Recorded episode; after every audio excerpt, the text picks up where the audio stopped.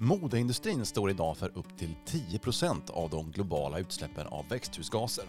Ett problem är till exempel ökningen av det som kallas snabbmode, som bygger på att kläder tillverkas billigt och sen används en kort period innan de slängs. Och faktum är att det bara är runt 1% av alla kasserade kläder som återvinns. Samtidigt pågår det mycket arbete med att hitta nya innovativa lösningar på problemen i branschen. Bland annat genom att forska på nya klädmaterial och hur vi kan återvinna kläder i större utsträckning. Och här ligger Sverige verkligen i framkant. Men kan kläder göras av vad som helst? Och vilken skillnad gör nya material och nya innovationer inom en av världens mest förorenade branscher?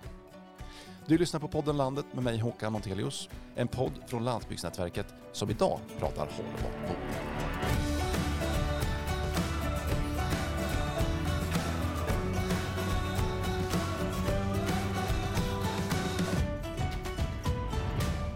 Ja, hållbart mode, det pratar man ju gärna om. Är det samma sak som att investera i dyrare märken i klassiska modeller, kläder som man kan bära länge och ha på sig år efter år?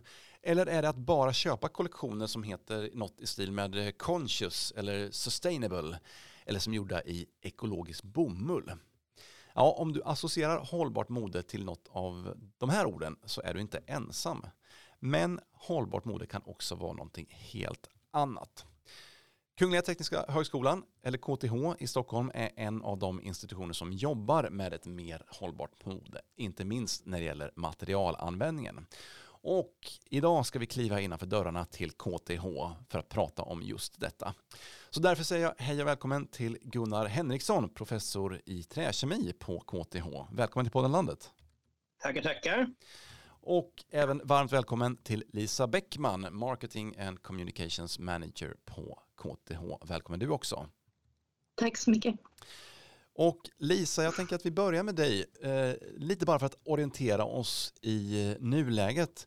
Hur skulle du beskriva utmaningarna inom just modeindustrin som vi ser idag? Oj, det var en, en stor fråga och det finns ju också väldigt många stora utmaningar. Modeindustrin som den ser ut är en otroligt komplex bransch. Vi pratar om olika material, olika processer, um, produktion i väldigt många olika länder. Eh, och som du sa i ditt intro Håkan så är det ju också en bransch som bidrar till väldigt mycket utsläpp av eh, koldioxid idag. Så branschen behöver omställning och jag skulle också säga att det är en bransch som är i en process just nu där det händer väldigt mycket spännande och det finns en ökande medvetenhet både bland konsumenterna och bland företagen och hos politiker att det faktiskt behövs, eh, behövs förändring inom branschen. Mm. Gunnar, vad säger du om de stora utmaningarna i branschen? Ja, jag håller ju med det ni båda har sagt, men, men jag vill faktiskt gå längre och säga att situationen är värre än vad du sa egentligen Håkan. För att förutom det här med koldioxiden och växthusgasen så har vi andra väldigt negativa effekter av textilindustrin för, när det gäller hållbarhet. Till exempel alltså så produceras det ju mycket former av biocider, olika former av gifter helt enkelt vid eh, odlingen av bomull exempelvis. Och det är också så att eh, framställning av textilfiber tar eh, resurser från till exempel livsmedelsframställning, åkermark helt enkelt. Och, och, dessutom en stor del av textilerna som görs tillverkas med icke förnyelsebara råvaror. Så att det, det, är, det är väldigt illa på väldigt många olika plan. Mm. Ganska illa ställt kan man konstatera i branschen och en lösning eller en väg framåt här kan såklart vara nya idéer och innovationer. Och här kommer ju KTH in i bilden. Lisa, du arbetar på den avdelning som heter KTH Innovation. Vill du berätta lite kort, vad gör ni? KTH Innovation är en del av KTH som stöttar studenter, forskare och anställda som har en idé de vill utveckla eller forskning som de vill ta mot marknaden. Mm. Hur många studenter är involverade i det i dagsläget? Oj, sedan starten 2007 så har vi stöttat snart 4 000 personer. Vi eh, träffar ungefär 350 idéer om året och där är två tredjedelar från studenter och eh, en tredjedel från forskare ungefär. Och när det kommer till innovation inom just modeområdet så är ni också delaktiga i någonting som heter Global Change Award. Kan du berätta lite kort om det? Ja, sen 2015 så har vi varit partner i eh, H&M stiftelsens initiativ som heter då Global Change Award. Och det är en, eh, en innovationsutmaning, den största i sitt slag i världen för att hitta tidiga innovationer inom modeområdet som kan hjälpa till i den här omställningen som behövs. Ehm, och där har vi sett väldigt många nya innovationer inom material. Ehm, men nu på senare tid så har det också kommit andra lösningar som till exempel tvättmedel som kan hjälpa till att återställa dina kläder som nya eller ehm, um, lösningar för att minska användandet av pesticider. Så på KTH Innovation och på KTH så jobbar vi främst inom ett acceleratorprogram som de fem vinnarna får ta del av. Så de får ett år av hjälp att utveckla sina innovationer mot marknaden. Och där kommer vi på KTH Innovation in och hjälper till att eh, ja, men vårt främsta bidrag är nog att hjälpa dem att strukturera upp processen. När man tar ny teknik mot marknaden så är det otroligt många saker man måste ha koll på. Och där har vi på KTH Innovation tagit fram en modell som heter KTH Innovation Readiness Level Model som ger en väldigt holistisk syn på progressen från idé till marknad. Och Gunnar då, du är ju som sagt professor i träkemi. Känns det mm. spontant som att du är en liten udda fågel inom modeindustrin? Ja, alltså, Var kommer du in? man tror kanske. Va? För att eh, jag jobbade faktiskt med textilier redan på 90-talet i USA innan jag alltså gav mig in på papper och massa som är mitt huvudspår numera. Men sen är det inte så udda eh, som vi säger, för om vi ska ta en av de stora problemen med textilerna är ju råvarorna. Va? Och, och, och, där har vi ju syntet, vilket är ju inte är bra för det är petroleumbaserat. Det ger upphov till mikroplast. Vi har bomull och där vet vi ju alla de problem som finns med bomullsodling. Det finns andra växtfiber som i och för sig är bättre men har tekniska problem. Men det jag tror vi behöver expandera, det är ju regenererade cellulosa, rayon helt enkelt, som kanske inte alltid låter så bra för miljörörelsen, men jag skulle vilja hävda att det är det mest hållbara alternativet. Och det görs ju faktiskt idag huvudsakligen på skogsråvara. Kan du berätta lite grann mer? Hur, hur kan cellulosa användas inom klädindustrin? Ja, eh, vi har ju olika typer av textilfiber, men man kan säga att alla växtbaserade textilfiber som vi har, bomull, linne, hampa, rami och så vidare, de är ju cellulosabaserade, det är naturfiber.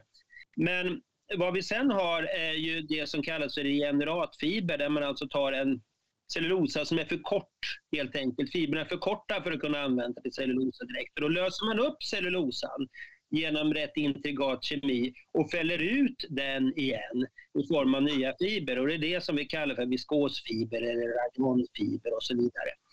Och eh, den eh, fibern är ju alltså idag huvudsakligen eh, skogsbaserad. Men här har vi ju på KTH uppfunnit någonting nytt, tagit fram en teknik för att göra det här av utslitna kläder istället. Ja, och den här tekniken är ju jätteintressant. Jag vet att du är delägare i ett företag som heter Renewcell där ni arbetar med just den här tekniken, alltså att återvinna eller att använda sig av återvunna kläder som råvara i ny klädtillverkning. Berätta lite mer om Renewcell.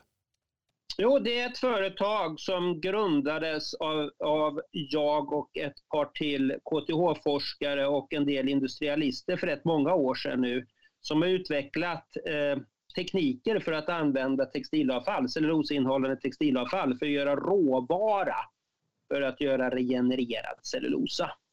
Och här plockar man in alltså olika typer av eh, utslitna kläder, textilavfall. Till exempel klipp från jeanstillverkning har varit ganska populärt. Gamla lakan har också varit ganska populära.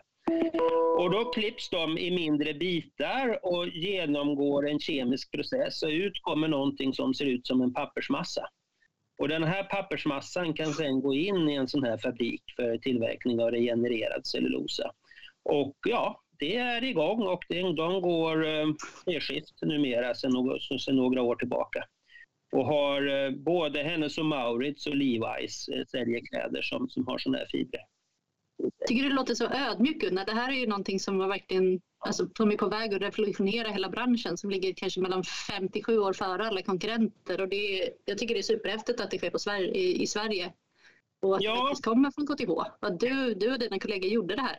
Ja, det var vi, det var vi, som, började, det var vi som började det, men, men jag kan säga att vi hade aldrig kommit den här vägen om vi inte hade fått eh, helt enkelt en kapitalägarfamilj som trodde väldigt mycket på det här, som satsade på det här år efter år efter år. Och sedan har det alltså kommit in väldigt erfarna ingenjörer som har jobbat mm. med det här.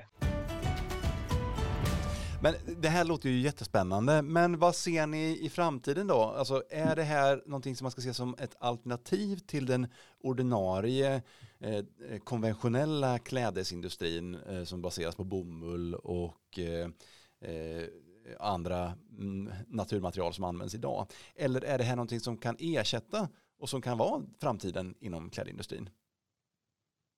Nej, jag tror att, eh, jag tror att det är ett komplement, men, men, men det är samtidigt också en omställning. För att eh, vi har ju liksom massor med problem när det gäller det sättet vi använder textil idag. Och jag menar en stor del ligger hos konsumenterna.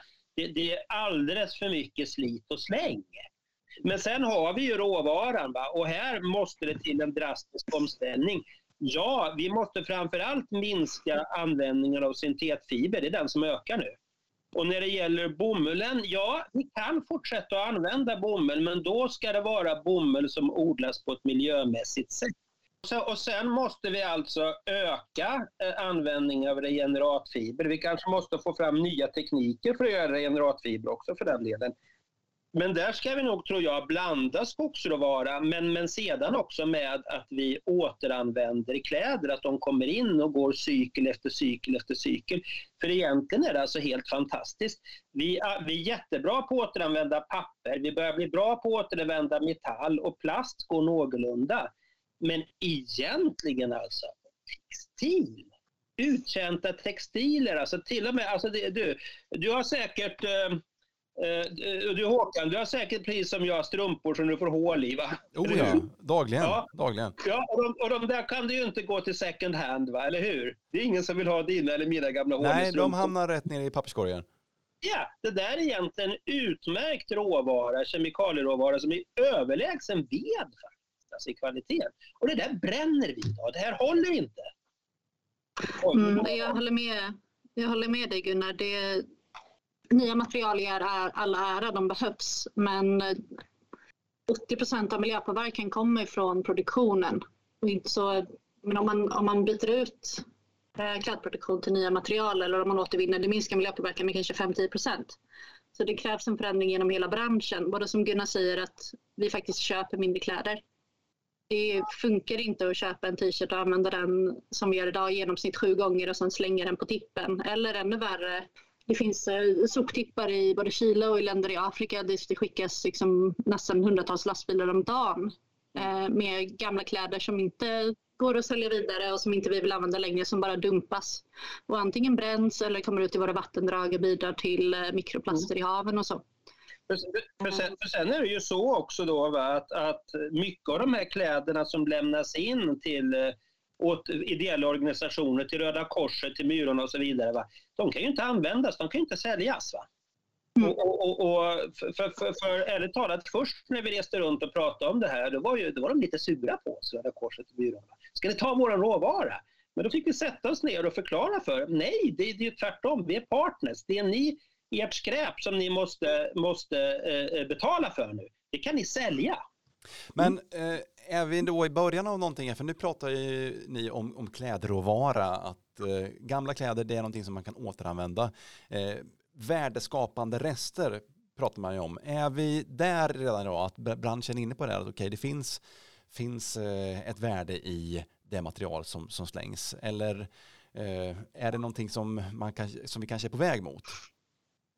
Ja men absolut, men det krävs ju jättestora investeringar, det krävs omställning av processer, det krävs att vi som konsumenter börjar faktiskt lämna in våra kläder någonstans istället för att slänga dem i soporna. Så vi behöver ställa om egentligen både hela samhället och hela industrin. Um, en, en, partner till oss på KTH Innovation sa en gång att det finns ingen brist på innovationer, men de måste välkomnas av industrin.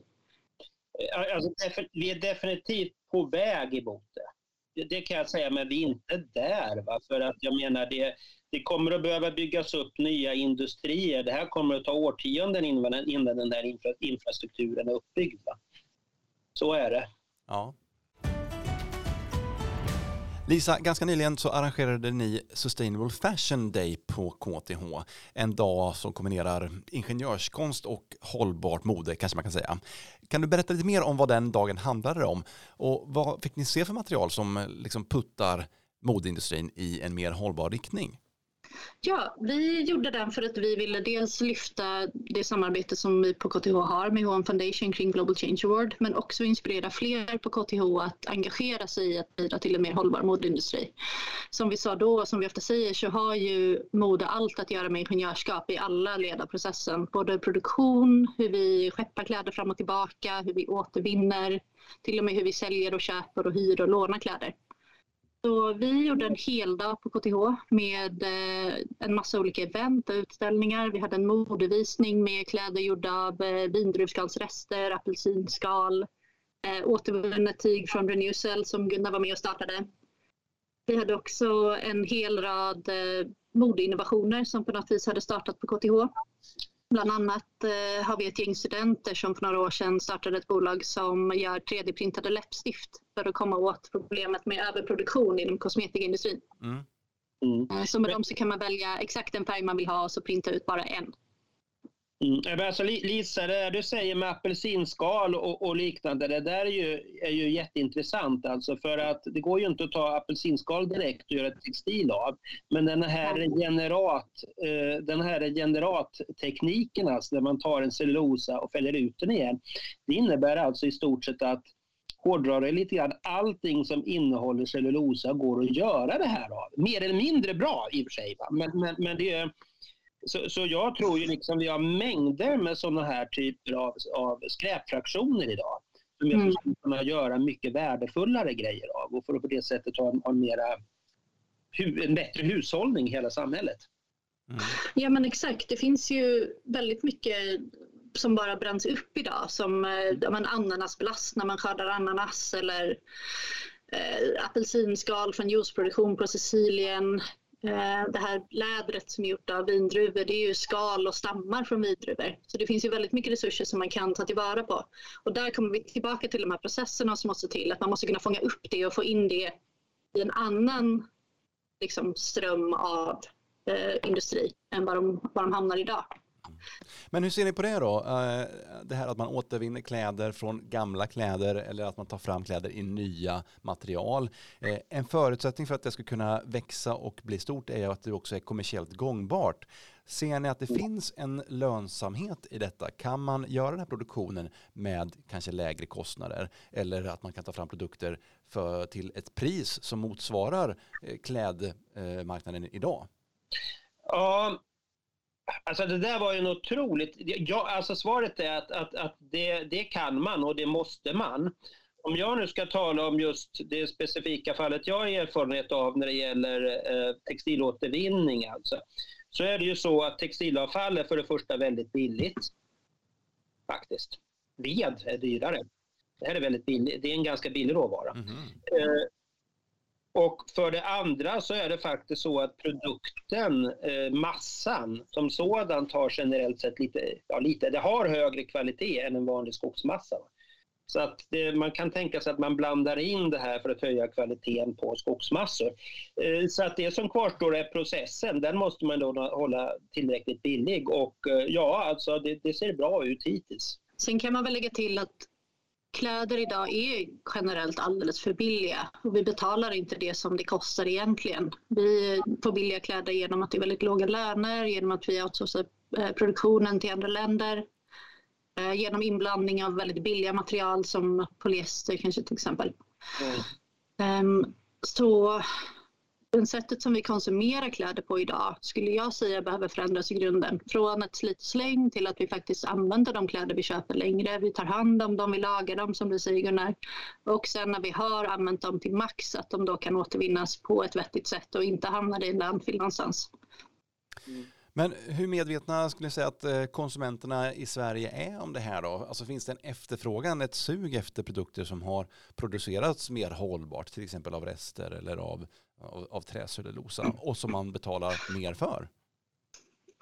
Jag tror att det finns ett sug efter sådana produkter men det är otroligt svårt idag som konsument att veta vad som faktiskt är en hållbart producerad produkt.